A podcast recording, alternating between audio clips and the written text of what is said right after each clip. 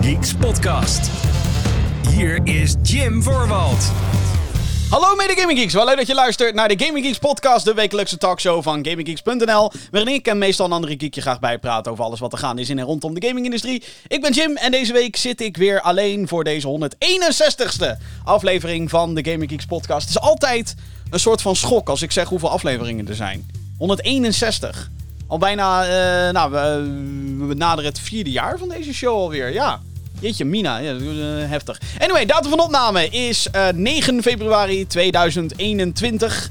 Eh, dit is een show die je natuurlijk kan luisteren via je favoriete podcastdienst. Als je dat nu al doet, is dat helemaal te gek.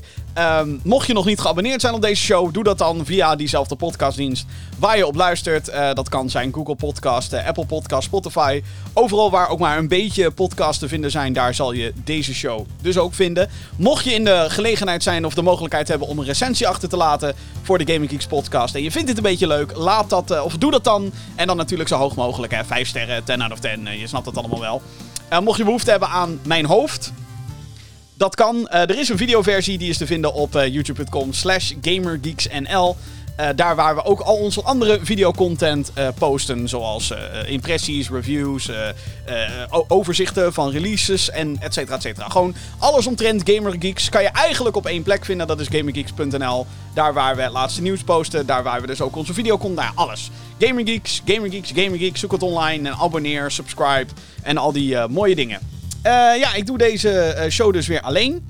En voordat ik in het nieuws ga, leek het, het mij wel leuk om de show voortaan te beginnen met een, een paar korte, korte nieuwsdingetjes. Gewoon dan nog eventjes, weet je al, dat, we, eh, dat ik jou bijpraat, dat we elkaar een beetje bijpraten op die manier. Eh, ik eh, noem het bij deze voorpret. En dat heeft eigenlijk een beetje te maken met, met klein nieuws waar ik niet heel veel over te zeggen heb. Alhoewel, sowieso is er altijd wel van dat soort nieuws. Ik heb niet overal een uitgebreide mening over, dames en heren. Maar ehm, ik wil het even hebben over Anthem. Anthem die, eh, die kan deze week gecanceld worden. Althans, als we het aan Bloomberg's Jason Schreier vragen. Dat is een gamejournalist, Amerikaanse gamejournalist. Die eh, doet heel erg goed werk vaak. Dat is eigenlijk een van de weinigen die daadwerkelijk journalistiek voert binnen de gaming business. En ehm, ja, volgens bronnen die hem dan informeren, is het zo dat uitgever EA deze week gaat kijken naar hoe Anthem ervoor staat. En op basis daarvan gaan ze dan de boel cancelen of niet. Nou, mocht je het gemist hebben, Anthem is een game uit 2019. Dat moest een soort van Destiny killer worden, zeg maar een, een third-person looter shooter met soort van Iron Man pakken. Ik vond het concept heel vet, ik vond het vliegen heel vet. Eh, maar ik vond ehm, de rest van de gameplay een beetje boring. Review natuurlijk te vinden op GamerGeeks, YouTube en eh, GamerGeeks.nl. Ehm, en ik ben zeker niet de enige hoor die de game saai vond. Het was een grote flop voor EA. Was niet echt eh, het je van het, zal ik maar zeggen. Niet het succes wat ze waarschijnlijk hadden gewild. En sindsdien wordt er achter de schermen dus gewerkt aan wat ze intern Anthem Next noemen. Dat moet dan een rework zijn. Het moet dan helemaal. Alle systemen moeten bekant eh, eh, gewoon omgegooid worden. Zodat het daadwerkelijk leuk wordt om te spelen. Nou, ik ben benieuwd. Ehm, iets van 30 man zouden eraan werken. En EA, dus de uitgever, die lijkt nu dus een beetje in het dubio te zijn van gaan we nu nog meer mensen hierop gooien? Gaan we nog meer investeren om te kijken of we dit project willen redden? Of laten we het nu gewoon vliegen en gaan? Als je het mij gaat vragen, dan denk ik dat EA gaat kiezen om de boel gewoon te cancelen. Dan is het gewoon klaar met Anthem. En dat zou ik wel jammer vinden, want het is toch een. eh, er zit potentie in de wereld. En het idee dat je in een soort van Iron Man pak zit en kan rondvliegen en met vrienden monsters kan killen en quests kan doen en zo. Het, het, het, idee is fucking vet. Maar ehm, de executie was eh alles behalve oké. En dat is dan denk ik zacht uitgedrukt. Het ligt er maar net aan in welke hoek je kritisch gaat kijken omtrent die game, maar eh, goed eh, vond ik het niet. Dus ja, Anthem deze week wel niet gecanceld. Nou, mm, ik denk van, eh, ik denk van wel. Ik denk eh, cancelen. Dan, eh, dit is echt zojuist binnengekomen. voor, echt vlak voordat ik de opnameknop aandeed, bij wijze van. Namelijk dat Crash Bandicoot 4, It's About Time, die komt in maart naar de PlayStation 5, Xbox Series X, de PC en Nintendo Switch. En dat was heel erg raar, want ik, eh, eh, voordat ik dan deze podcast opneem, sluit ik even allemaal programma's af. Je weet al, Steam afsluiten, Epic Game Store afsluiten, afsluiten, afsluiten. En in Battle.net stond daar ineens een Crash Bandicoot logootje. Hmm. Ik heb er best wel zin in, want mensen die dus op de PlayStation 4 of de Xbox One de game hebben gekocht, die kunnen gratis upgraden naar de next gen. En dat vind ik heel dope, want ik heb hem op de PlayStation 4 gekocht. En ik kan dus gratis upgraden naar PS5. En wat dat dan in deze zin uh, inhoudt, is dat de framerate hoger wordt en de resolutie en zo. Het uh, wordt allemaal super mooi. Ik heb er zin in. Ik vond Crash 4 ontzettend leuk. Heel moeilijk, verrassend genoeg. Uh, het is echt geen game die. Um, ja, waar de jongste kinderen waarschijnlijk 100% gaan halen. Of ze hebben, zijn heel goed in gamen. Kan natuurlijk, kan gewoon. Um, maar uh, ja, ik, ik, ik heb het een beetje gespeeld en toen ben ik een beetje, een beetje, uh, zoals dat bij mij wel vaker gaat, dan koop ik te veel games in één keer en dan ligt mijn aandacht op 14 dingen en dan op een gegeven moment moet ik op een gegeven moment zeggen, oké, dit even niet, dit even niet, dat even niet. En Crash Bandicoot 4 is daar zeker ook slachtoffer van geworden. Maar uh, zo'n next-gen upgrade, dan denk ik wel weer, hmm, nou, misschien toch maar weer eens dat diskje in mijn nieuwe console proppen. Lijkt mij in ieder geval heel erg leuk. De playlist. Dus ja, dat was een beetje voorpret. Uh, het andere nieuws. Uh, er komt natuurlijk meer nieuws aan natuurlijk. Maar eerst, wat heb ik gespeeld deze week? Nou, ook hier kan ik redelijk kort over zijn, denk ik. Um, ik heb eigenlijk gewoon allemaal dingen gespeeld waar ik al mee bezig was. Um, twee dingen die... Uh, of nee, drie dingen. Drie dingen waar ik het even over wil hebben. Ik heb de nieuwe Zombies map gespeeld in Call of Duty Black Ops Cold War. Daar is een nieuwe uh, map in de zombies mode. Dat is dus uh, ja, lekker met vrienden, lekker uh, zombies schieten en zo. Um, ik vond die nieuwe map wel leuk. Die speelt zich af in Vietnam. En het is een map waarbij je veel meer bewegingsvrijheid hebt. Dus best wel cool gedaan eigenlijk. Je begint in een klein dorpje.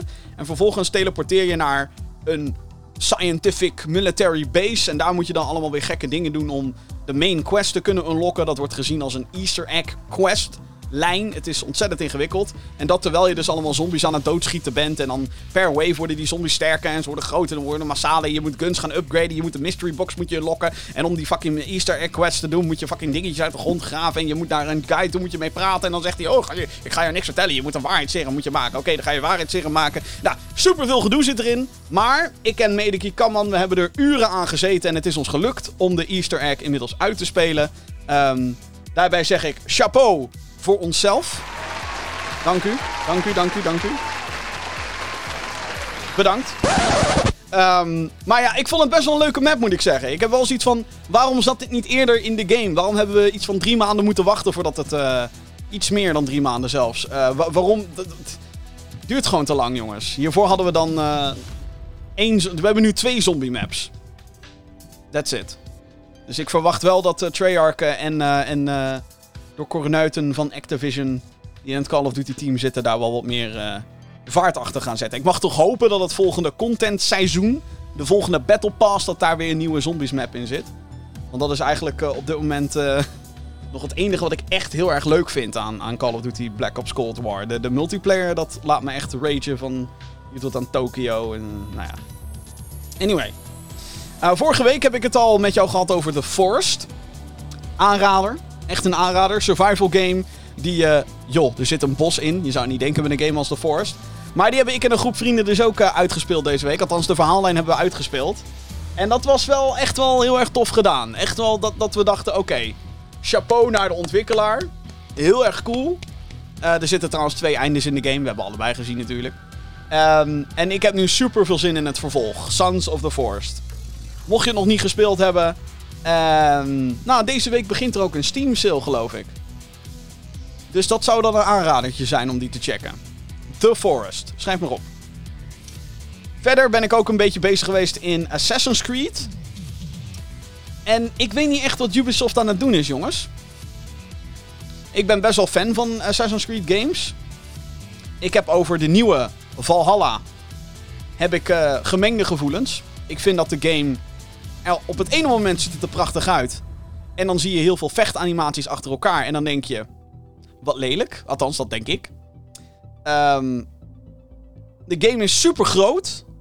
En normaal is dat natuurlijk super leuk. Oh, je hebt zoveel content. Oh, je bent er nooit meer klaar. Maar de, er verandert nooit wat in de gameplay. Waardoor de game saai wordt. En ik, nu al, ik ben nu over de 50 uur ook al bezig met die game. En ik heb gewoon zoiets van, volgens mij ben ik nog steeds hetzelfde aan het doen als fucking 40 uur geleden. En dan kan je zeggen, ja, maar Jim, equip dan een ander wapen. Ja, maar als die zwakker is dan het wapen wat ik al... Weet je wel? Maar uh, waar ik even over wil klagen... is hoe het nou toch kan dat we in het jaar 2021 zitten.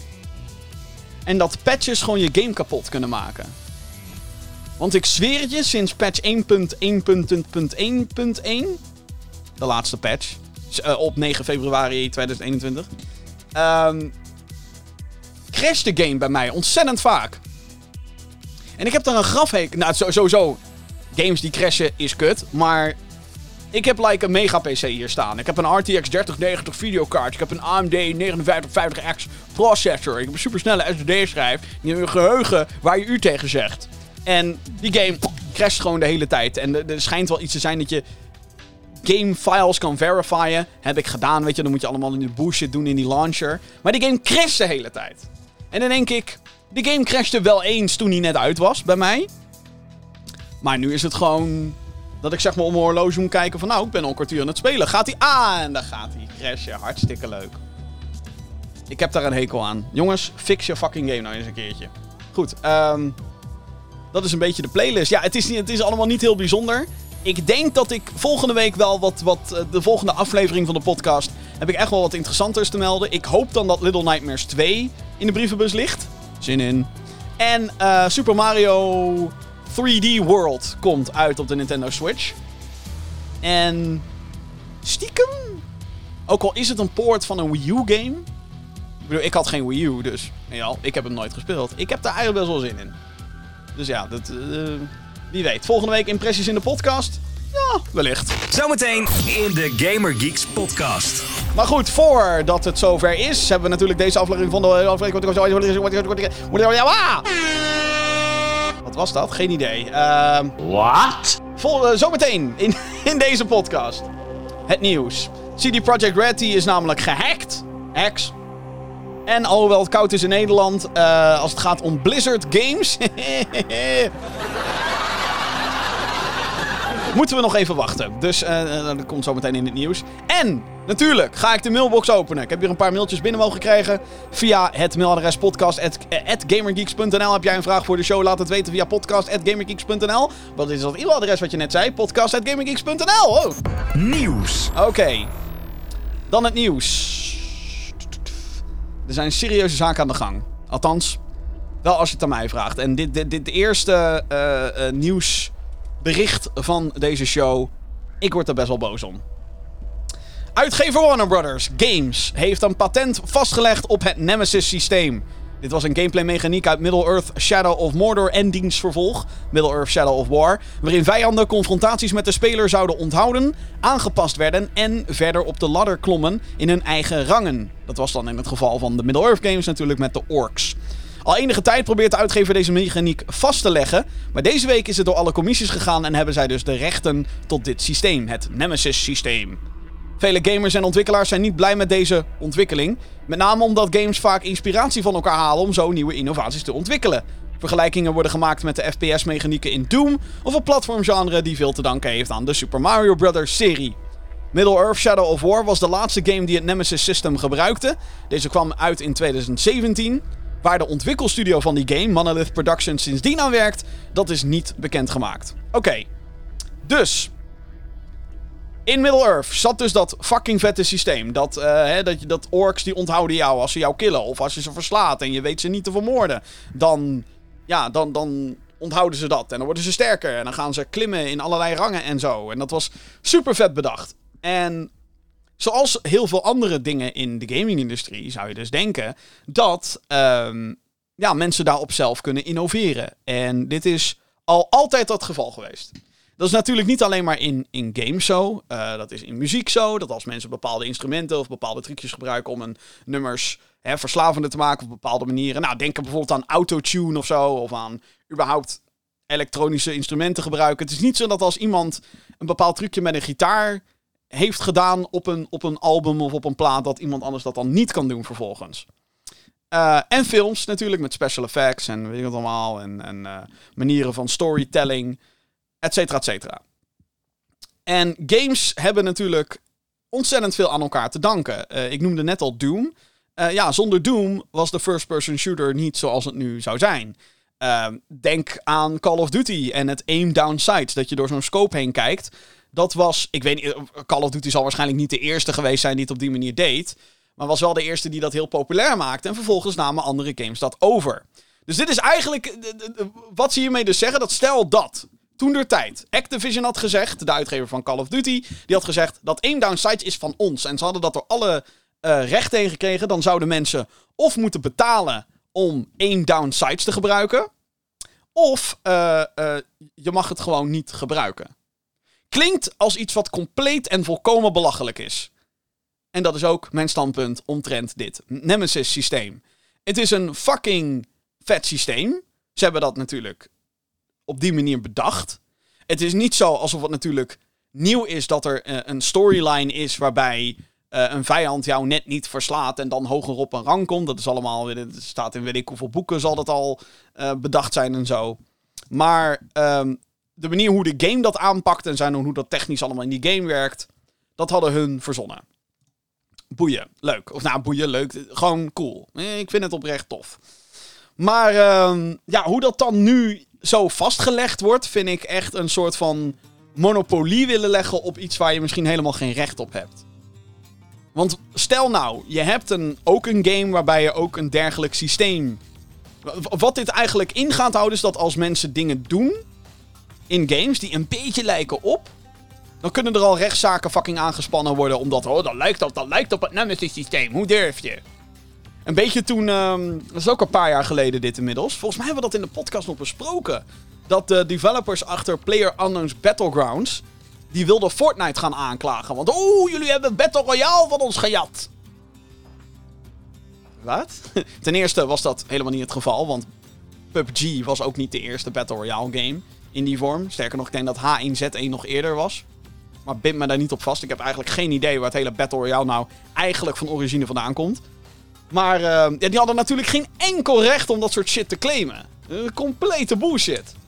Ja, Fortnite, dat was gewoon, het kwam gewoon over alsof die motherfuckers jaloers waren omdat Fortnite een fucking groot succes werd. Alsof PUBG trouwens niet genoeg geld heeft opgebracht. Ik bedoel, hallo, die mensen die zwemmen ook in het geld hoor. Maar uh, ja, compleet belachelijk. Volkomen belachelijk. Warner Brothers, hou alsjeblieft op met dit soort fucking praktijken. Want je gaat hier letterlijk niemand mee helpen. Helemaal niemand. Waarschijnlijk je eigen studio's niet eens. Het enige wat je hiermee helpt is nu de Middle-earth franchise.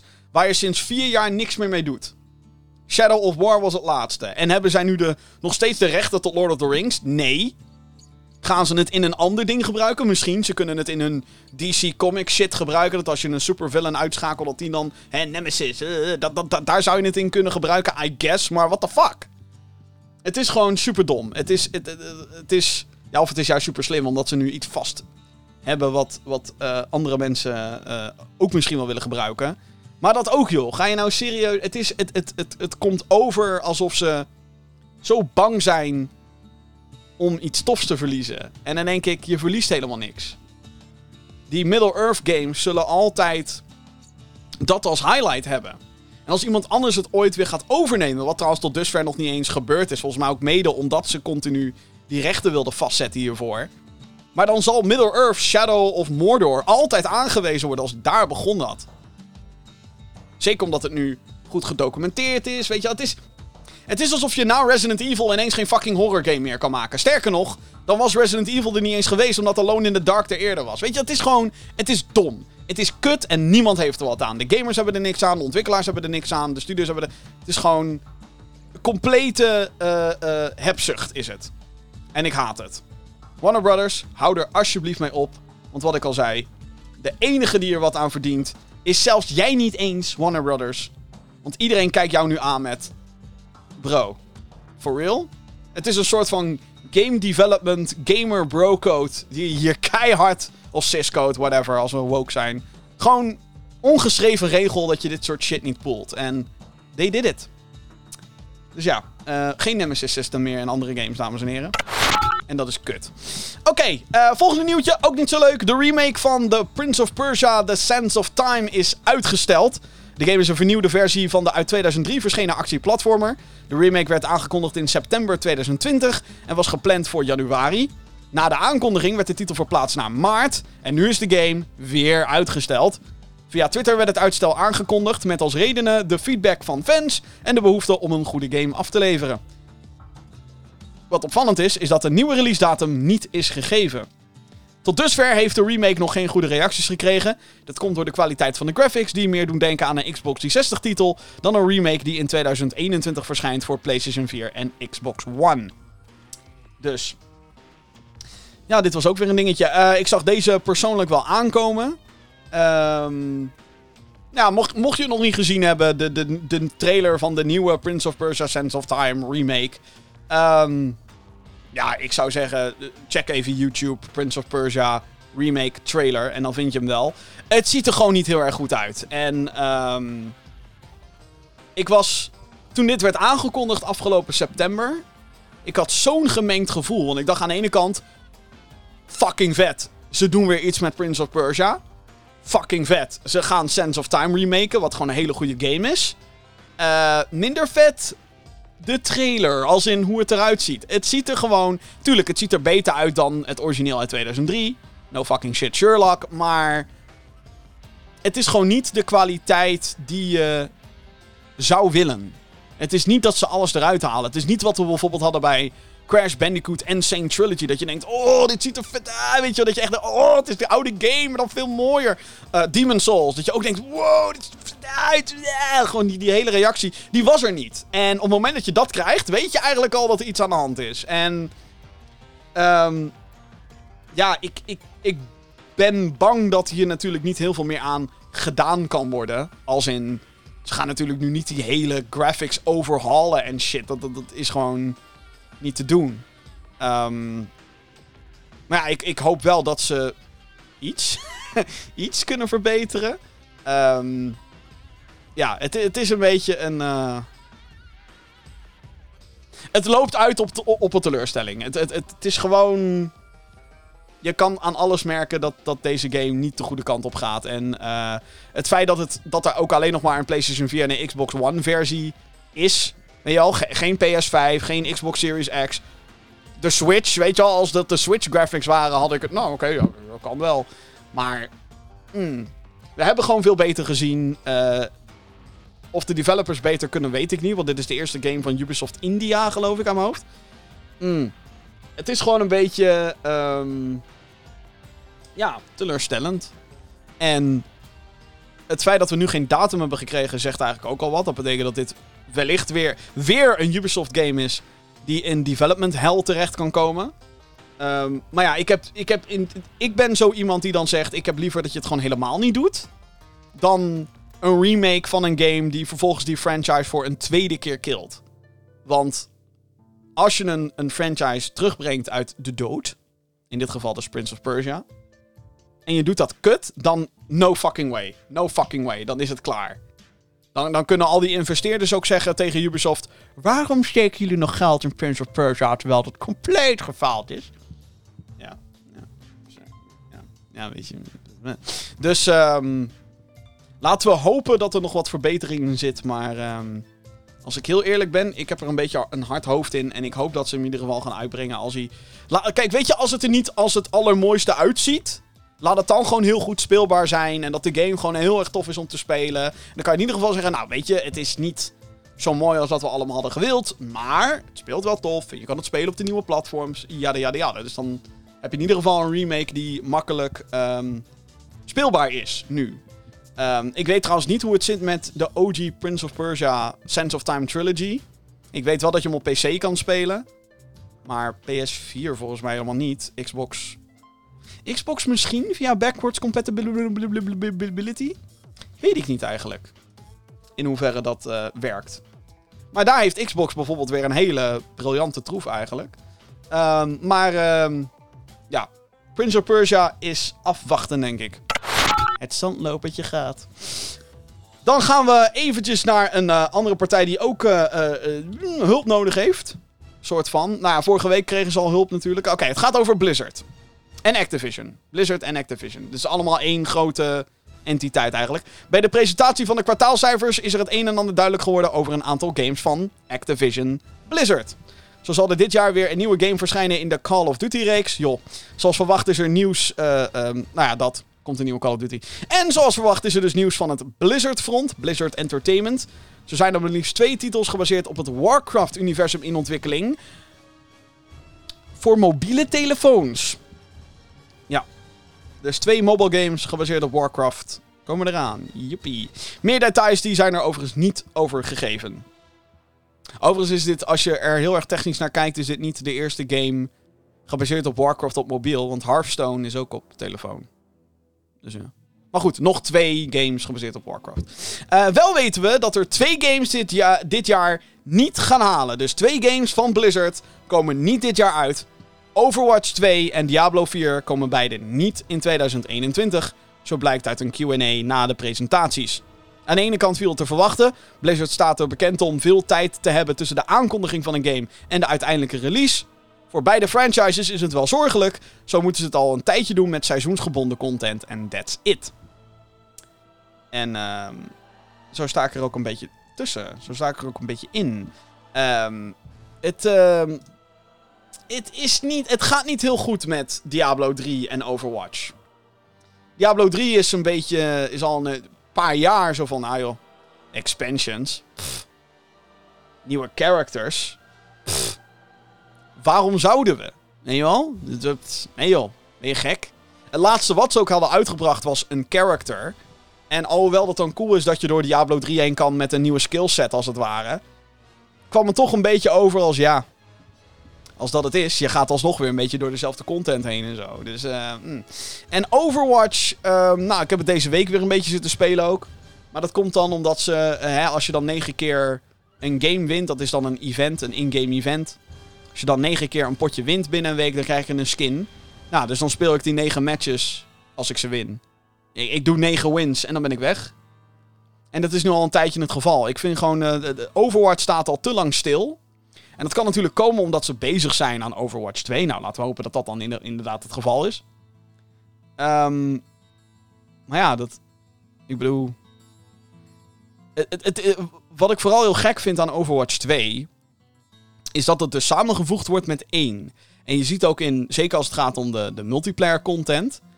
Dat daar heel veel dingen gebruikt worden uit de eerste. Locaties, heroes natuurlijk. Uh, ja, ze gaan de graphics al een beetje upgraden. Maar dan denk ik wel waar zijn jullie dan mee bezig? En dat klinkt heel lullig, is het ook, om te zeggen. Maar ja, wat, wat, wat is nou het plan eigenlijk omtrent Overwatch?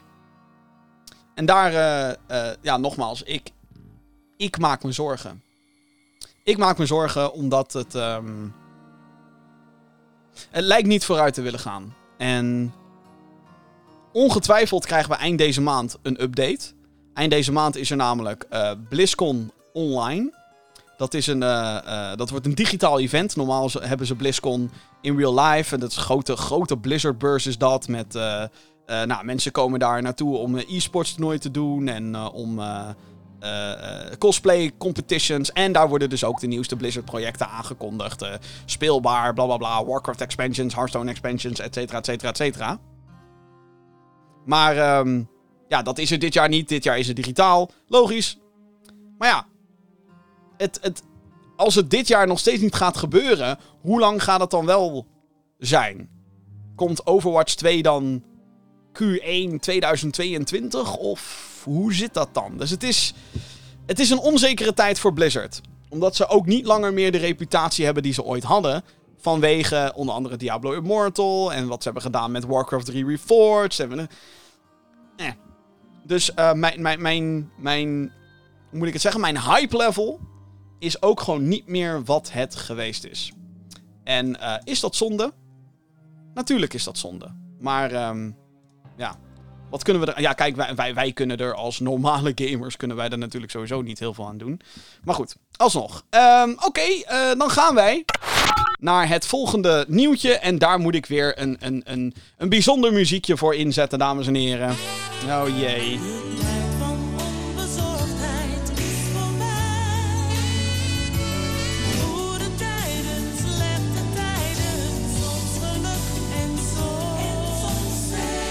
Ja, ja, ja, ja, ja.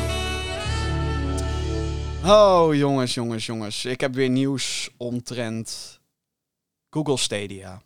We zijn er weer. Vorige week had ik het met jou over, in deze podcast, had ik het met jou over ehm, dat Google zijn first-party studio's heeft gesloten. Dat ze hadden gezegd, weet je wat, fuck it, ehm, we, ehm, we, eh, we gaan geen eigen games meer ontwikkelen. We, gaan gewoon, we gaan ons richten op partnerships, alsof dat de dienst zou redden. Nou, zelfs met die partnerships wil het dus niet lekker gaan. Hier is het nieuws. Ontwikkelaar Andrew Spinks van Relogic heeft de Google Stadia poort voor Terraria geannuleerd. Via Twitter liet hij weten dat hij al drie weken bezig is om de toegang tot zijn Google-accounts terug te krijgen nadat deze hem ontnomen waren zonder geldige reden. Al dus hij zelf natuurlijk. Het betreft hier de accounts voor zijn studio Relogic, waaronder Gmail-adressen, YouTube-kanalen en Google Pay-accounts. Dus er zit ook gewoon geld in het spel. Spinks is zo pissig dat hij heeft besloten om dus zijn Stadia-poort te annuleren en niet meer met Google samen te werken. Wel blijft de Google Play Store versie van Terraria online staan. Dus gamers die uh, de game op Android willen spelen, die kunnen dat gewoon blijven doen. Terraria is een game uit 2011 en een van de vroege early access succesverhalen. Het valt uh, op Steam, was dat. Het valt het beste te omschrijven, als je het aan mij vraagt althans, als een soort 2D-versie van uh, Minecraft. Een open world sandbox, sandbox game waarin je kan doen en laten wat je wilt. Met bouwen en, en ontdekken en noem het maar op. Craften ook. Uh, maar dan 2D in plaats van Minecraft in een 3D, 3D world. Dus, ja. Um, Google. Kijk, het is natuurlijk toevallig dat dit gebeurt na. Um, nadat Google heeft besloten om alle studio's te sluiten. En dat, dat, dat die shit gewoon. Hè, het, is niet handig. Maar het feit natuurlijk dat een ontwikkelaar ook zoiets heeft van ja, jullie zijn niet te vertrouwen. Um, dat zegt wel heel veel, vind ik. En ik vind dat deze man meer dan gelijk heeft. Er is natuurlijk altijd verdeeldheid over dit soort onderwerpen op het internet. Uh, er zijn heel veel mensen die op Twitter ook zeggen: Man, je stelt je aan. En wat heeft het ontzeggen van jouw YouTube-account nou weer te maken met Stadia? En tuurlijk, die twee entiteiten die um, opereren los van elkaar, technisch gezien. Maar het is wel allemaal hè, overkoepelend is het Google. En um, ook ik zou, zou, als ik zeg maar die developer was en al mijn Google-accounts zouden zonder geldige reden ook van me zijn ontnomen, um, dan zou ik hetzelfde hebben. Dan zou ik zeggen, nou, fuck jullie dan maar. Fuck, fuck jouw Stadia-versie. En het is natuurlijk zo dat als iets games nodig heeft, als iets juist nu support nodig heeft van indie developers zoals de gast achter Terraria, of een van de guys achter Terraria, dan is dat wel Stadia. Want elke game minder voor Stadia is relatief gezien een grote klap voor de, voor de aankomende bibliotheek van Stadia. En je zou juist denken, um, er is nog geen reactie vanuit Google of vanuit Stadia gekomen hierover. Je zou juist denken dat Google, dat eh, Stadia nu juist zoiets heeft van, oké, we gaan ons focussen op partnerships. We moeten dit zo snel mogelijk herstellen. Meteen een apology letter eruit gooien. Oh, sorry, we menen het niet. Was een foutje in het systeem. En deze dingen opereren inderdaad los van... Weet je, dat je dat helemaal gaat uitleggen. De dingen opereren los van elkaar. We hebben een Terms of Violation Services gezien. Dit was onze fout. Weet ik veel, bla bla bla. Please, please, maak de rare ja voor steden. Je hebt je fucking 100.000 dollar. Weet ik veel, geef die man wat. Um, het zou een beetje... Misschien een beetje flauw zijn om dat meteen te zeggen. Maar het is het is nu cruciaal voor Stadia om, als ze willen overleven. Ik denk dat ze eigenlijk al gewoon zelf donders goed weten dat ze naar de kloten gaan. En ik denk dat Stadia mensen op de achtergrond. Uh, ja. Het zou me niks verbazen als ze zelf ook al weten. Binnen een jaar zijn we weg, dus we gaan nu ook. Um, en laten we er dan ook even gewoon ook van uitgaan dat het niet Google's manier is om te zeggen fuck you developers van Terraria. Laten we daar even vanuit gaan dat dat niet het geval is. Maar wat ik al zei, je zou denken dat als je vertrouwen wil winnen in je klanten, van Stadia in dit geval, dat je er alles op alles aan zou zetten om juist developers van zo'n succesvolle game, om die zo snel mogelijk weer aan jouw kant te krijgen. De guy heeft al gezegd, achter Terraria. Dus die heeft al gezegd: Consider this bridge burned. Het is al gone. Jullie hebben het al verneukt. Dus het is eigenlijk al, wat ze ook doen, ehm, het is al te laat. Stadia, of eh, Terraria voor Stadia is cancelled. Ehm, maar je zou alsnog denken dat we inmiddels, dit nieuws is nou namelijk al een paar dagen oud op het moment dat ik het oplees. En je zou denken dat, er, dat ze zo snel mogelijk gewoon met een. Met iets, iets zouden komen. Een statement.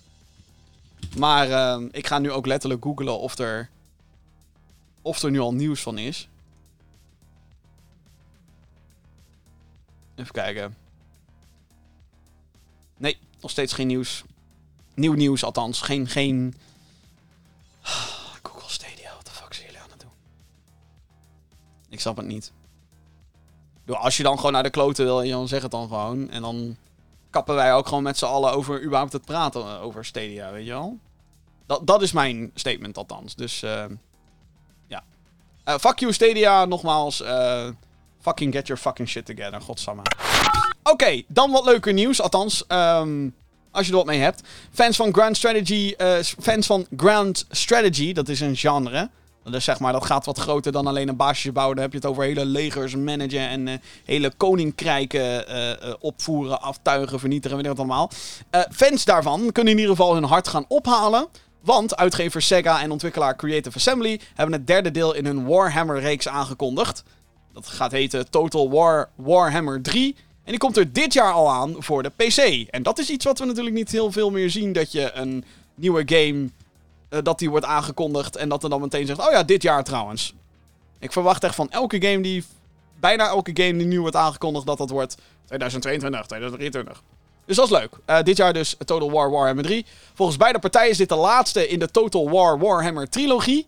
En zal het zorgen voor een epische conclusie van de saga. De release datum staat nu dus voor late 2021. Um, ik heb hier eigenlijk niet heel veel meer over te zeggen. Ik heb um, niet heel veel met de classic, de fantasy Warhammer. Dus zeg maar een science fiction variant, dat is Warhammer 40k. En je hebt dan Warhammer. Um, ik heb wel eens die... Holy shit. Zo, dat was een hele late reactie. Een hele late schrikreactie. Maar we hebben een follower op het Twitch-kanaal. Thanks. ik zet dat, ik zweer het je. Elke podcast, ik zet het uit, hè, jongens. Ik zet het uit terwijl ik deze podcast opnam. Maar dat maakt niet uit. Whatever. Um, wat wilde ik zeggen? Oh ja, Total War. Ja, ik, ik ken dan de Vermintide games. Die hebben eigenlijk helemaal niks met dat Total War gebeuren te maken. Maar ik ben gewoon niet zo van de Grand Strategy. Dus uh, ik heb hier niks mee, maar dat is niet echt bedoeld als een belediging of wat dan ook. Dat is gewoon. Ik ken het niet, maar ik wil het wel graag vermelden. Dus uh, bij deze, dames en heren. En over dingen waar ik niet heel veel mee heb. Nou, laten we dan nog maar zo'n game doen. En nog zo'n aankondiging die menig uh, fan wel leuk vindt. Namelijk fans van de MMORPG Final Fantasy XIV. Daar is ook goed nieuws voor. Er komt namelijk een nieuwe uitbreiding aan. De expansion die gaat Endwalker heten.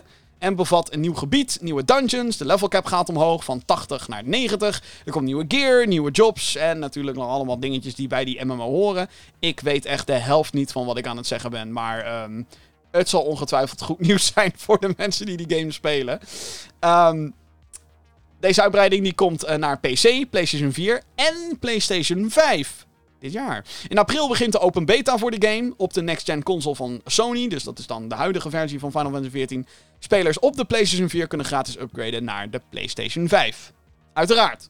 Zo hoort het. Ja, um, dat dus. Dus nieuwe expansion en een PlayStation 5 versie voor Final Fantasy XIV online. Uh, tof. Uh, eigenlijk net hetzelfde met Total War Warhammer. Ik heb er persoonlijk niet heel veel mee. Um, het, ik vind het probleem altijd van dit soort titels. Is dat de MMO natuurlijk al zo lang bezig is. Dat ik wel gewoon echt het idee heb dat ik, als ik nu zou inspringen. Dat ik dan nu denk, waar de fuck gaat, waar gaat het over? Misschien is Final Fantasy XIV daarin de, de uitzondering. Dat kan. Um, maar um, ja, nee, ik, uh, ik, ik, ik, ik heb gewoon niet heel veel met, met deze game. Maar ik weet wel de geschiedenis erachter natuurlijk. Dat Final Fantasy XIV voor origine lanceerde en dat was een fucking drama. Toen hadden ze eigenlijk achter de schermen een compleet nieuwe game gebouwd. En dat werd A Realm Reborn. Dat is de huidige versie van Final Fantasy XIV Online. En um, dat, het dat het een succesverhaal is. Dat het heel veel fans heeft. En ehm, dat er iets van 20 miljoen geregistreerde spelers zijn online of zo. En volgens mij is dit nog zo'n klassieke MMO waarbij je gewoon abonnementgeld moet betalen. En als 20 miljoen spelers dat doen, volgens het persbericht van Square, dan ehm, ja, doen ze dat goed. Dus eh, chapeau naar Square, chapeau naar het team van Final Fantasy XIV. Ehm, goed bezig, nieuwe expansion. Leuk. Ja, dit is nieuws die je van mijlenver zag aankomen. Het bericht dat we wisten dat die ging komen. Maar hij is er dan toch. De E3, de Electronic Entertainment Expo, zoals hij ook al bekend staat, gaat niet door dit jaar in fysieke vorm. Dat heeft eh, de organisatie achter de beurs, de ISE, bekendgemaakt. In tegenstelling tot vorig jaar willen ze wel een digitale versie organiseren. Maar of partijen bereid zijn om daar aan mee te doen, dat valt nog te betwijfelen. Omdat, hè, vorig jaar zeiden ze, nee, E3 gaat niet door, punt, doei. Steeds meer uitgevers besluiten om op zichzelf events, zij het digitaal of fysiek te organiseren rond juni, de datum van E3. EA, PlayStation en Activision Blizzard waren de afgelopen jaren al niet meer aanwezig op E3. Hoe de line-up eruit gaat zien van de aankomende digitale editie is natuurlijk nog niet bekend. Nou, en de reden waarom het doorgaat, goh, waarom zou dat zijn? Het heeft te maken met corona, covid, woe, leuk. Nee, eigenlijk niet. Ehm, ja, wat ik al zei, dit is nieuws waarvan we wisten dat die ging komen. Ehm, het is natuurlijk wel dodelijk voor de organisatie achter E3. De beurs kampt al dus jaren met een soort van strijd om relevant te blijven. Ehm, en dat is ehm, ja, voor hun vooral heel kut. Ehm, en ik eh, ben benieuwd of we überhaupt nog een, een E3 gaan krijgen na, na 2021. Zeker omdat dus juist al die partijen zeggen we doen niet meer mee. En ja, als je niet meer meedoet. Als steeds meer van die grote dingen zeggen ja, eh, doei. We gaan niet meer. Ja, wat is dan nog het nut? Microsoft staat volgens mij technisch gezien ook al niet meer op de beurs. Die hebben namelijk gewoon Microsoft Theater, wat eh, volgens mij twee straten verderop is van de LA Convention Center, daar waar eh, E3 eh, gehouden wordt altijd.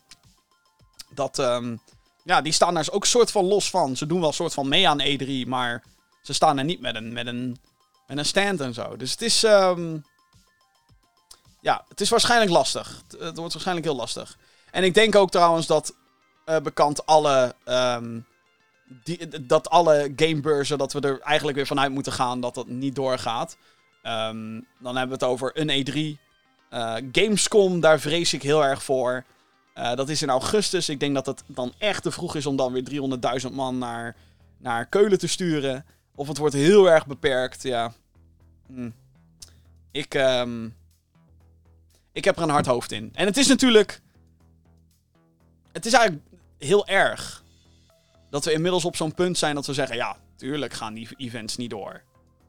Dat betekent dus al dat we gewoon al langer dan een jaar... Dat we gewoon geen fysieke game-events meer hebben. En dat is... ehm, ik vind dat confronterend. Ik vind dat heel erg dat ik denk, oh ja, fuck. Want ik mis het wel. Ik mis wel eh, je First Look en Gamescom en eh, eh, ge- gewoon met gamers onder elkaar zijn. Je hebt dan natuurlijk ook nog van die andere geekachtige events, zoals een, een, een Comic-Con en zo. Ik mis het. En ehm, dit is ehm, wel een beetje de confrontatie van, ja jongens, eh, we kunnen hopen. We kunnen met z'n allen natuurlijk hopen, dat kan altijd. Maar of je echt, ehm, ja, of we ervan uit moeten gaan dat er nog iets doorgaat. Ik zou voorzichtig zijn zelf. Maar dat ben ik. Ik, ik, ik, ik ben ook altijd van het, hey, ga uit van het ergste, dan kan het altijd meevallen. En dat is zeker dan met fysieke events dit jaar, is dat eh, zeker het geval. Maar godsamme, wat heb ik toch weer zin om weer onder wat mensen te zijn. Maar goed, gaat voorlopig niet gebeuren natuurlijk. Oké, ik mag deze weer instarten. Ja hoor, kom maar door.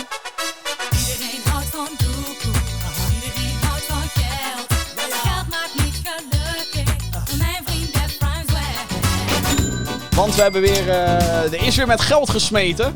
En niet zo'n klein beetje ook. Gearbox is namelijk overgekocht. De Embracer Group, die partijen zoals THQ Nordic, Saber Interactive, Deep Silver en Coffee Stain in handen heeft, die heeft weer de portemonnee getrokken. Zij hebben echt al dat, dat Embracer, jongen, dat heeft al zoveel partijen overgekocht. Dat is echt dat is een mega-organisatie inmiddels. Eh, ruim 1,3 miljard dollar is er betaald voor de acquisitie van de ontwikkelstudio en uitgever onder leiding van Randy Pitchford, Gearbox dus, die CEO blijft. Gearbox staat voornamelijk bekend om de Borderlands franchise. Eentje die ze, naar eigen zeggen, zullen blijven maken in samenwerking met de uitgever 2K. Want dat is een eh, rechte dingetje, denk ik. En ik denk niet dat 2K een Borderlands zal maken zonder Gearbox. En ik denk dat die relatie andersom eh, ook zo is. Dus ehm, nou, daar, daar hoeven we ons geen zorgen over te maken in ieder geval. Als je fan bent van Borderlands. No worries. Be happy. Eh, ook hebben ze titels gemaakt, Gearbox dan. eh, zoals Aliens Colonial Marines, Battleborn en Duke Nukem Forever. Als uitgever zijn ze verantwoordelijk geweest voor onder andere Risk of Rain 2, Godfall en We Happy Few. De partij zal zoveel mogelijk op zichzelf blijven fungeren, zoals dat nu ook het geval is met andere entiteiten binnen de Embracer Group. Dus THQ Nordic doet zijn eigen ding, Deep Silver doet zijn eigen ding, Coffee Stain blijft zijn eigen ding doen en Gearbo- Gearbox dus ook. Maar dit is natuurlijk een mega-investering en dus zal er een groot eh, deel van de winst zal dan daar naartoe gaan. Ehm, volgens mij had Randy Pitchford ook al ergens gezegd van... joh, door deze gigantische ehm, ja, zak met geld... kunnen we nu gewoon echt allemaal vette dingen doen die we al heel lang wilden doen. Blablabla. Dus ik ben benieuwd wat daaruit gaat komen. Ehm, ik zou het leuk vinden als er bijvoorbeeld, eh, weet ik veel... weer een keer een goede Duke Nukem game komt. Eh, dat zou leuk zijn. Of ze dat ooit gaan doen, ik heb geen idee.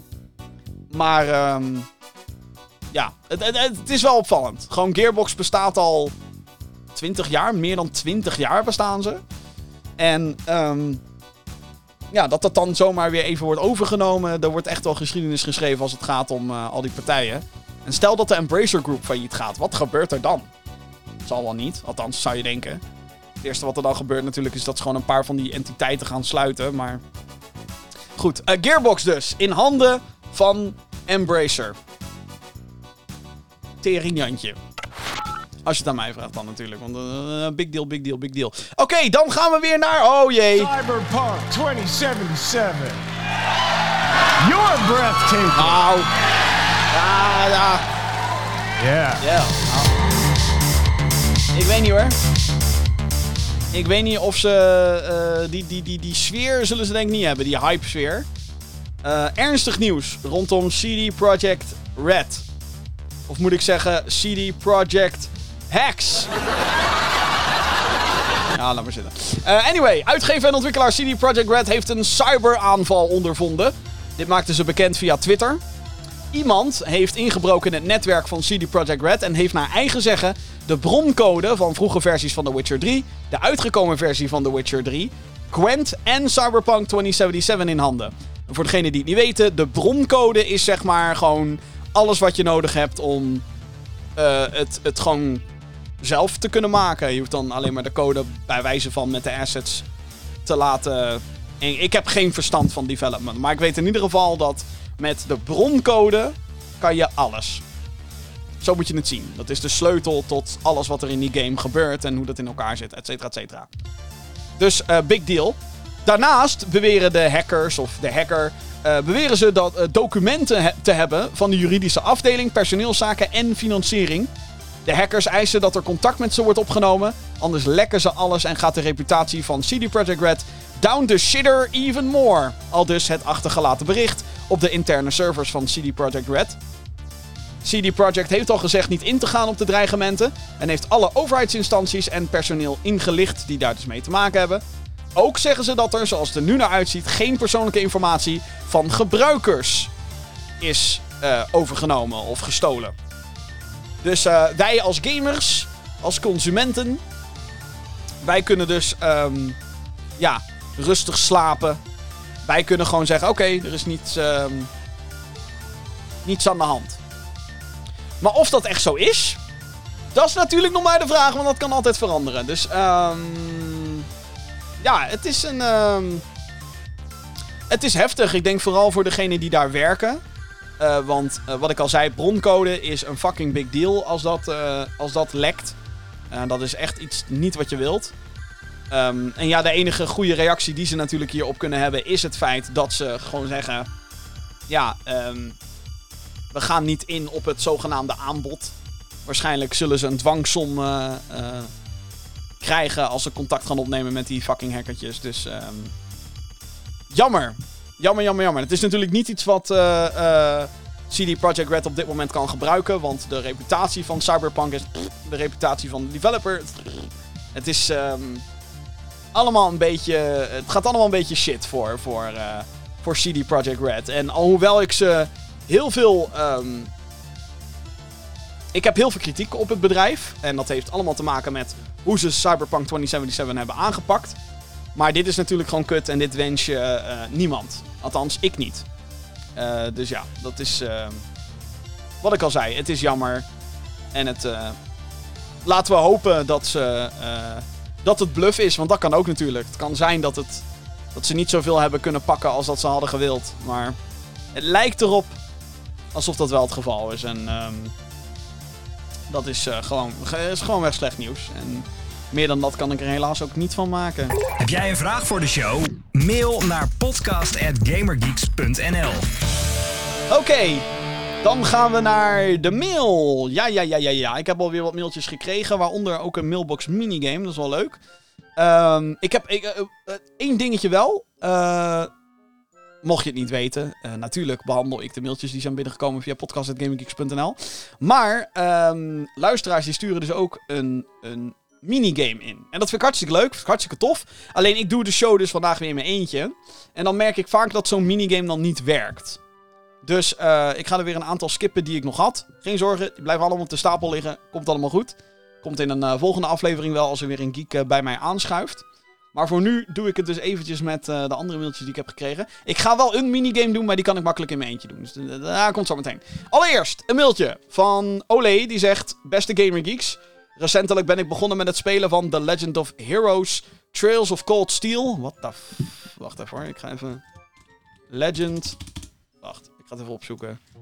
Legend of Heroes Trails of Cold Steel.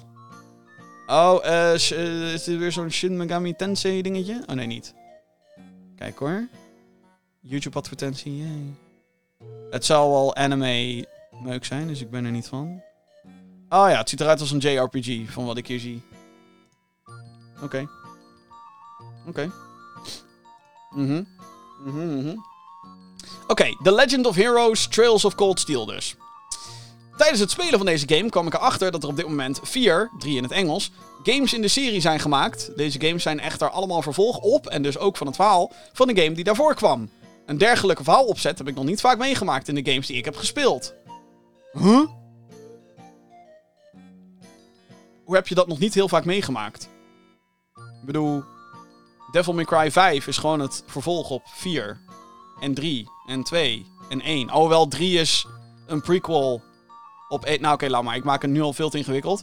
Ehm bedenk een goed voorbeeld, Jim. Bedenk een goed voorbeeld. Eh ja, gewoon... Je kan er toch eigenlijk wel van uitgaan dat als een game een doorlopend verhaal heeft met dezelfde personages, dat dat gewoon een doorlopend verhaal is, toch? Ik bedoel, Final Fantasy 10 2. En dat, dat, is, dat is het naaiende natuurlijk. Final Fantasy is natuurlijk waardoor heel veel mensen weten... Oh ja, elke game staat op zichzelf. Dat... Whatever, weet je wel? Maar eh, ook alle Assassin's Creed games, geloof het of niet... hebben een verhaallijn die doorloopt. En ik vind, dat, ik vind het eigenlijk wel jammer dat ze dat steeds meer loslaten. Want ik vind, vind dat juist tof. Dat er een soort overkoepelend verhaal is... met waarom je naar eh, elke assassin gaat en zo. Weet je wel, dat, dat is allemaal tof. En... ehm ja, het is, het is.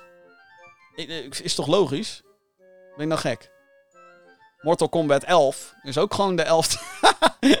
ook een raar, eh, raar ding. Maar goed, eh, even terug naar de vraag. Terug naar de vraag. Ehm, wat vinden jullie leuker? Een serie van games waarbij iedere game het verhaal van de vorige oppakt en ermee verder gaat? Of een serie van games waarin ieder deel een op zichzelf staand verhaal is? Zoals Life is Strange, Persona, Pokémon, etc. Ik ben benieuwd naar jullie antwoord. Ja, ik vind deze dus lastig, omdat ehm, het ligt aan. Verrassing, het ligt aan de game. Dus als een game. ehm, ja, hoe, hoe moet ik dat zeggen? Hoe moet ik dat goed uitleggen? Als een game dus. ehm, zich ervoor leent om op zichzelf continu te staan. Ja, dan is het logisch. Het is ook maar net hoe de serie natuurlijk verloopt. En. het, is, het, het hangt echt af van de franchise. Ik denk dat het wel tof is als er een onderliggend ding is. Weet je wel? Als er gewoon. Ja. Ik, ik vind dat persoonlijk vind ik dat vaak toffer. Kijk, het is handiger vanuit een. ehm, ja, moet je dat zeggen? Het is vaak handiger vanuit een marketingperspectief. En om de game natuurlijk te verkopen. Want ja, je hoeft dan geen rekening te houden met het feit dat mensen bijvoorbeeld. eh, stel je d- brengt een vierde deel eh, uit van een game. En die komt op de eh, PlayStation 5, bijvoorbeeld. Ja, eh, mensen met een PlayStation. Oh nee, wacht, dat is dan verkeerd. Want PlayStation 4 backwards compatibility. Slecht voorbeeld, haha. Ehm, ja, laat ik het zo zeggen. Op zichzelf staande verhalen halen natuurlijk eh, letterlijk grenzen weg. En dus je hoeft niet per se 1, 2, 3 te spelen. Ehm, maar wat ik al zei, het ligt echt aan per, per franchise ligt het eraan. Kijk, ik vind het heel tof als ze een, een, een, toffe, eh, eh, verhaal, eh, een tof verhaal hebben die continu elkaar aanvullen. Dus je, eh, ehm, ik vind bijvoorbeeld God of War, de, de 2018 God of War voor PlayStation 4. Ik ben heel erg aan het eilen, merk ik. Maar ik vind het daar heel tof aan dat het een. ehm, ja, dat het een, een. Hoe moet ik het noemen? Ik vind het daar heel tof dat er dus hints zitten van 1, 2, 3. Maar je hoeft niet per se 1, 2, 3 gespeeld te hebben om het tof te vinden, zeg maar. En door! Dan heb ik een mailtje van, ja hoor, the one and only. Hij verdient zijn eigen tune. Het is Helly, de Helminator. Yo, yo, yo, yo, yo, yo. Yo, yo, yo, yo, yo. Eh, hij mailt, yo meneer GamerGeeks podcast. Ik heb weer een hele actuele vraag die nergens op slaat als je deze podcast over drie maanden luistert. Wie doet dat eigenlijk? Wie, wie luistert deze podcast drie maanden na dat hij is opgenomen? Daar ben ik benieuwd naar. Eh, wat een hoop sneeuw, hè? Welke game gaf jou door middel van in-game sneeuw een extra rijke game experience? Gruus God, Ellie. Dat is een goede vraag eigenlijk. Hmm. Welke game gaf mij die sneeuwervaring? Nou, ik, ik heb wel een goed antwoord daarvoor eigenlijk. Ehm eh, Skyrim. Skyrim is natuurlijk, eh, dat speelt zich af in, in eh, natuurlijk dat, dat bergse gebied en zo. En ik had daar altijd wel een beetje dat, dat hoe, het is koud hier, ervaring. Misschien ben ik daar, nou ik denk niet dat ik daarin de enige ben. Het was gewoon altijd, ik weet niet of het altijd in-game sneeuwde. Ongetwijfeld. Eigenlijk herinner ik me niet heel veel meer van Skyrim, want het is inmiddels zo lang geleden. Maar de muziek staat me nog heel erg bij. En gewoon dat het altijd winter was. En weet je, dat winter is coming gebeuren was een beetje... Daar, dat was voor mij Skyrim. Dus dat, eh, dat is een, eh, een hele leuke, Ellie. Goed gevonden weer. Eh, maar er zijn natuurlijk ook nog meer mailtjes binnengekomen. Via eh, dat mailadres natuurlijk podcast.gaminggeeks.nl. Wat ik, eh, waar, ik, waar ik het net over had. Thomas die heeft gemaild. ehm, hey, vraag je wat vind jij van de Planet Coaster console editie? Geen idee. Ik heb het niet gespeeld. Dus, ehm I don't know. Weet niet. Niet gespeeld. Zo, zowel de PC-versie niet als de console-versie niet. Dus, eh het lijkt me wel altijd een uitdaging om zo'n game naar console te brengen. Omdat je, ehm hoe heet het? Omdat je natuurlijk van heel erg hè, met, met muis en, en klikken. En, en hè, da- daar zijn al die Planet Coaster, Rollercoaster Tycoon-achtige games zijn helemaal daarop gebaseerd. En dat je dat dan moet gaan vertalen naar een controller, dat lijkt me heel lastig. Of Planet Coaster dat goed of slecht doet. I don't know. Niet gespeeld. Shane die heeft gemaild. Hoi Jim, vandaag is aangekondigd dat Glue Mobile is overgenomen door EA. Ik zat door de lijst van Glue Mobile te scrollen en was verbaasd door deze overname. Hoe denk jij over deze overname? Oké, voor degenen die niet weten wat Glue Mobile is. Glue Mobile is volgens mij de partij achter Kim Kardashian's mode mobile game. Dat zoiets. En er was nog een grote die ze hadden. Ik ga het nu ook gewoon letterlijk even eh, opzoeken. En we kijken. Restaurant Dash. Kim Kardashian Hollywood. Deer Hunter. Tap Baseball Cooking Dash. Mhm. En dat heeft IE gedaan voor 2,1 miljard dollar. Tering.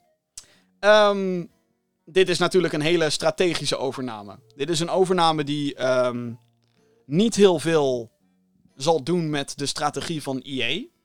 Ik denk dat Glue Mobile is vooral lekker van... Hey, laat ons het EA-stickertje erop plakken voortaan. En veel plezier. Go make us a lot of money. Dat is waar het uiteindelijk om gaat. Ehm, dus ik denk dat het dat is. Eh, vergeet niet dat Activision heeft ook een aantal jaren geleden King overgenomen, geloof ik. En King was van Candy Crush. En het is niet alsof daardoor heel Activision ineens veranderd is. Het is alleen maar dat ze dan natuurlijk gewoon gaan kijken... Goh, hoeveel kunnen mobile games opleveren? Heeft dat er uiteindelijk toe geleid dat er bijvoorbeeld een Diablo mobile game komt? Misschien. Eh, maar EA maakt volgens mij al heel veel mobile versies van hun titels. Volgens mij is er een FIFA op mobiel. Volgens mij is er een Madden op mobiel. Volgens mij is er een Sims op mobiel. Dus ehm, in die zin hebben ze al mobile business. Ik denk niet dat daar heel veel gaat veranderen. Ik denk dat dit gewoon er is om hun portfolio te versterken. En dat er dus een deel van de winst van het Glue Mobile gaat naar EA. En het is voor EA dan weer heel fijn. Want dan kunnen ze tegen hun investeerders zeggen... Kijk, we verdienen zo fucking veel geld.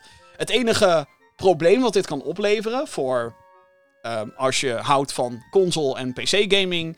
Is dat het... ehm, dat investeerders vervolgens kunnen zeggen... Hé, hey, maar jullie verdienen zoveel geld met zo weinig ontwikkelingskosten op mobiel. Met Glue en met jullie FIFA shit en whatever. Ehm, waarom doen we dat niet op console? Nou, dat is natuurlijk al een beetje die backlash die we inmiddels hebben met al die fucking microtransacties en lootboxes en dat soort shit. Dat zijn allemaal discussies die ik er nu bij haal. Maar die hebben daar wel indirect mee te maken. Ehm, dus dat zou wel eventueel het eh, gevolg kunnen hebben. Wat ik natuurlijk hoop, is dat het gewoon voor EA een investering is. Zo van, hé, hey, jullie zijn nu van ons. Want wij zijn EA. Ehm, ga maar verder met je casual mobile shit. Eh, wat ik al zei, EA-stempel erop en make us money. Als, dat is voor mij de ideale situatie en ik denk voor heel veel mensen. Want er hoeft er gewoon niet heel veel te veranderen. En soms is dat wel fijn. Dus ja, wat vind ik ervan? Eh, strategisch gezien is het ehm, slim. Want hé, hey, waarom zou je niet, eh, als je het geld hebt als IE zijnde, waarom zou je niet dat geld erin investeren als het kan? Ehm, als gamer zelf, ja, ik heb zelf een beetje de, de, de, de... Ik ben persoonlijk niet meer van de mobile games. Ik ben compleet afgehaakt van mobile games. Ik vind het vaak kut. Ik vind het vaak bleh.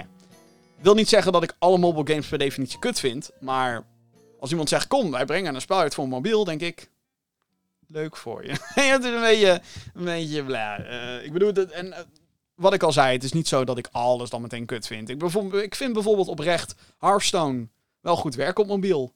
Maar doe ik het liever met een muis? Ja, ik doe het liever met een muis, dus daar, daar, ga je al. Dus ja, dat is een beetje, een beetje het ding. Dan heb ik nog een mailtje van Bert. Hey Jim, weet jij eh, soms al iets meer over het bestellen van de Collector's Edition van Resident Evil 8? Ik heb al bij veel sites gekeken, waaronder Game Mania, maar alles is de normale editie. Groetjes van Bert. Ehm, ik heb niet meer informatie dan wat jij hebt, Bert. Eh, Resident Evil Village, zo heet de achtste. Resident Evil 8. Ik vind terecht dat je trouwens Resident Evil 8 noemt, Bert. Ehm, ik, ehm, ik heb ook heel veel zin in die game. Komt 7 mei aan mijn hoofd komt die uit. Vorige week hebben we het daar uitgebreid over gehad. Zin in, zin in, zin in. Ehm, maar ik denk, heel eerlijk, dat die Collector's Edition niet naar Europa komt. En waarom denk ik dat? Omdat namelijk de Collector's Edition van Resident Evil 3 ook niet naar Europa kwam. De 3 remake dan natuurlijk. Die van eh, vorig jaar. Die kwam ook al niet naar Europa. En daarom vermoed ik dat dat ook het geval is bij Resident Evil Village. Het kan natuurlijk zo zijn dat ze binnen een paar weken nu ineens nog gaan zeggen... Oh, by the way, Collector's Edition. eh." Maar ehm, meestal als ze er echt doodstil over zijn, dan betekent dat waarschijnlijk dat het gewoon niet voor ons gaat gebeuren. Dus mocht je de Collector's Edition willen hebben voor Resident Evil Village, dan ben ik bang dat je die moet gaan importeren uit Amerika of Japan. In Japan hebben ze helemaal een belachelijke Collector's Edition trouwens. Daar hebben ze nu een eentje die omgerekend 1500 euro kost. En dan krijg je daar de jas van Chris Redfield krijg je erbij. En die ziet eruit als een jas die je ook gewoon bij de Primark kan halen. Als die open zou zijn, verdomme! Mailbox minigame. Oké. De mailbox minigame, wat ik al zei, podcast.gaminggeeks.nl. Dat is natuurlijk eh mailadres. Waar je al je mailtjes kwijt kan. Maar ook waar je een minigame kan opsturen. In de minigame, een spelletje in de vorm van een mailtje. Kan van alles en nog wat zijn. Eh, zoals ik net ook al zei, ehm, ik, ben, ik doe deze show in mijn eentje. Dus dat maakt het allemaal wat lastiger om eh, dit, zeg maar minigames te doen. Dat is toch leuker als je een, een, een tweede kandidaat erbij hebt. Maar ik zag wel dat Ruben er eentje had. Die ook eh single-player compatible is, zullen we maar even zeggen. Ruben die zegt: Hey geeks, ik heb een nieuwe soort mailbox minigame bedacht. Ik noem een aantal games op. En jullie moeten die gaan ranken van worst to best. Ranking the games. Veel succes. Het gaat vandaag over FPS games. Wolfenstein The New Order, Far Cry 5, Shadow Warrior 2, Call of Duty Modern Warfare. Welke? 2019? Eh, Bulletstorm. Ik moet ze gaan ranken van slechtste naar beste. En het is lastig, want als ik kijk naar deze games, zijn het alle vijf hele goede. Die ik net heb opgenoemd. Alle vijf hele goede games. Ik denk dat ik onderaan zet Shadow Warrior 2.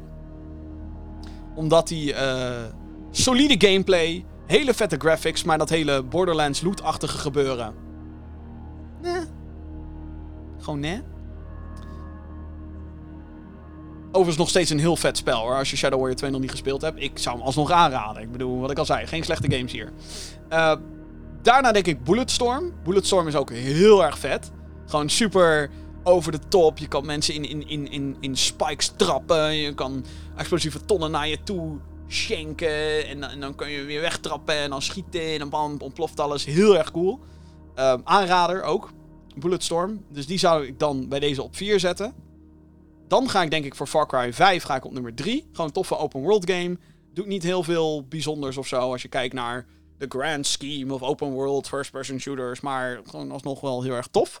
En ehm, dan op 2 Call of Duty Modern Warfare. Gewoon solide FPS. Multiplayer kan frustrerend zijn, zoals eigenlijk elke Call of Duty game. De co-op mode was heel erg underwhelming. Ik weet niet of trouwens Warzone hierbij meegerekend is of niet. Weet ik niet. Ehm, maar de singleplayer vond ik tof. De multiplayer kan heel erg tof zijn, maar frustrerend dus. Co-op mode, whatever, kan je skippen. Eh, en als dan Battle Royale erbij zit, Warzone, dan helemaal toppakket. Maar mijn favoriete van deze zou zijn nummer 1, Wolfenstein The New Order. Is inmiddels ook wel heel lang geleden sinds dat ik die gespeeld heb trouwens. Dat zou er wel eentje zijn die ik weer eens een keer opnieuw zou willen spelen. Maar ja, ik heb nog zo'n backlog van hier tot aan Tokio, dus eh, veel succes. Maar ehm, die game vond ik echt fantastisch. Echt heel tof. Gewoon echt... Ik hou van old school shooters. Ik, ik vind, vind, vind heel tof. Weet je wel, in ieder geval die... Gewoon geen gezeik, gewoon hier zo'n fucking plot en, en eh, ga maar knallen. En in dit geval ga, ga knallen. En in het begin voelt het nog een beetje aan als een soort Call of Duty campaign. Dan ga je Castle Wolfenstein bestormen en dan wordt het heel erg oh, je moet door dit gangetje heen. En dan denk je, wat the fuck? Maar daarna wordt het veel meer oldschool. Dan heb je levels en veel meer bewegingsvrijheid. En je kan bijna alles kan je dual wielden. En het is lekker. Sterfnatie, sterfnatie. Dus te gek. Wolfenstein in New Order is te gek. Dus dat is mijn ranking. Ehm, wat zei ik nou? 5 Shadow Warrior 2, 4 Bulletstorm, 3 Far Cry 5, uh, 2 Call of Duty Modern Warfare 2019 en 1 Wolfenstein The New Order. Dat zou dan mijn ranking the game zijn. Goed, tot zover. Bedankt allemaal. Eh, en eh, ja, wat, wat er al wordt gezegd natuurlijk. Hè. Eh, Heb jij een vraag voor de show? Mail naar podcast.gamergeeks.nl En daarmee zijn we aan het einde gekomen van deze aflevering van de Gamer Geeks podcast. Ik wil je weer eh, hartelijk bedanken voor het luisteren van deze show. Het is misschien wat korter dan dat je normaal gewend bent. Eh, er zijn wel eens shows die langer dan twee uur duren. Eh, deze editie sowieso niet, maar dat mag wat mij betreft de pret ook niet drukken. Ehm, mocht je deze show dus leuk vinden en het tot zover hebben gehaald, Bedankt, dat ten eerste. Ten tweede, abonneer op deze show dan via je favoriete podcastdienst zoals Google Podcast, Apple Podcast en Spotify. Check ook de videoversie, die is te vinden op youtube.com slash gaminggeeksnl. En wil je meer content van Gamergeeks, denk je nou die podcast is leuk, maar ik wil meer, ik wil meer. Check dan gewoon gamergeeks.nl, waar, daar waar we ook al onze andere videocontent posten. Zo is er nu een impressie online van Balen Wonderworld, dat is een eh, 3D platform game, die heb ik gespeeld. Ik niet zo leuk. Eh, maar die kan je checken. Eh, er is ook natuurlijk elke maand een eh, overzicht van de meest opvallende games en de games die je sowieso in de gaten moet houden met Gamer Geeks Next. Ehm, die is er ook natuurlijk voor februari weer. Ik bedoel, de maand is nog maar net begonnen. En ehm, er komt natuurlijk meer content aan. Eh, Little Nightmares 2 komt deze week uit. Zin in. Ik hoop overigens wel, dat zeg ik er ook wel meteen even bij. Ik hoop wel dat de. ehm, dat mijn Collector's Edition op tijd aankomt. En het klinkt gek om te zeggen, nu ineens, aan het einde van deze show. Maar ik, heb, eh, ik had dus die, eh, die, die, die Collector's Edition van Little Nightmares 2. Die had ik besteld op de Bandai Namco Store. En dan moet er vanuit Duitsland moet dat hierheen komen. Dus haal, krijg ik hem dan op de 11e, wanneer de game uitkomt? Of eh, gaat het wel langer duren? Ik ben bang voor dat laatste. Maar zodra die er is, unboxing. Ook op Gaming Geeks natuurlijk. Goed, dit was hem dan. De 161 aflevering van de Gaming Geeks podcast. Bedankt allemaal voor eh, het luisteren. Eh, dan wel het kijken als je op de videoversie zit. Heel toevallig. En heel graag natuurlijk tot een volgende keer. Bedankt, bedankt, bedankt, bedankt, bedankt, bedankt. En doei.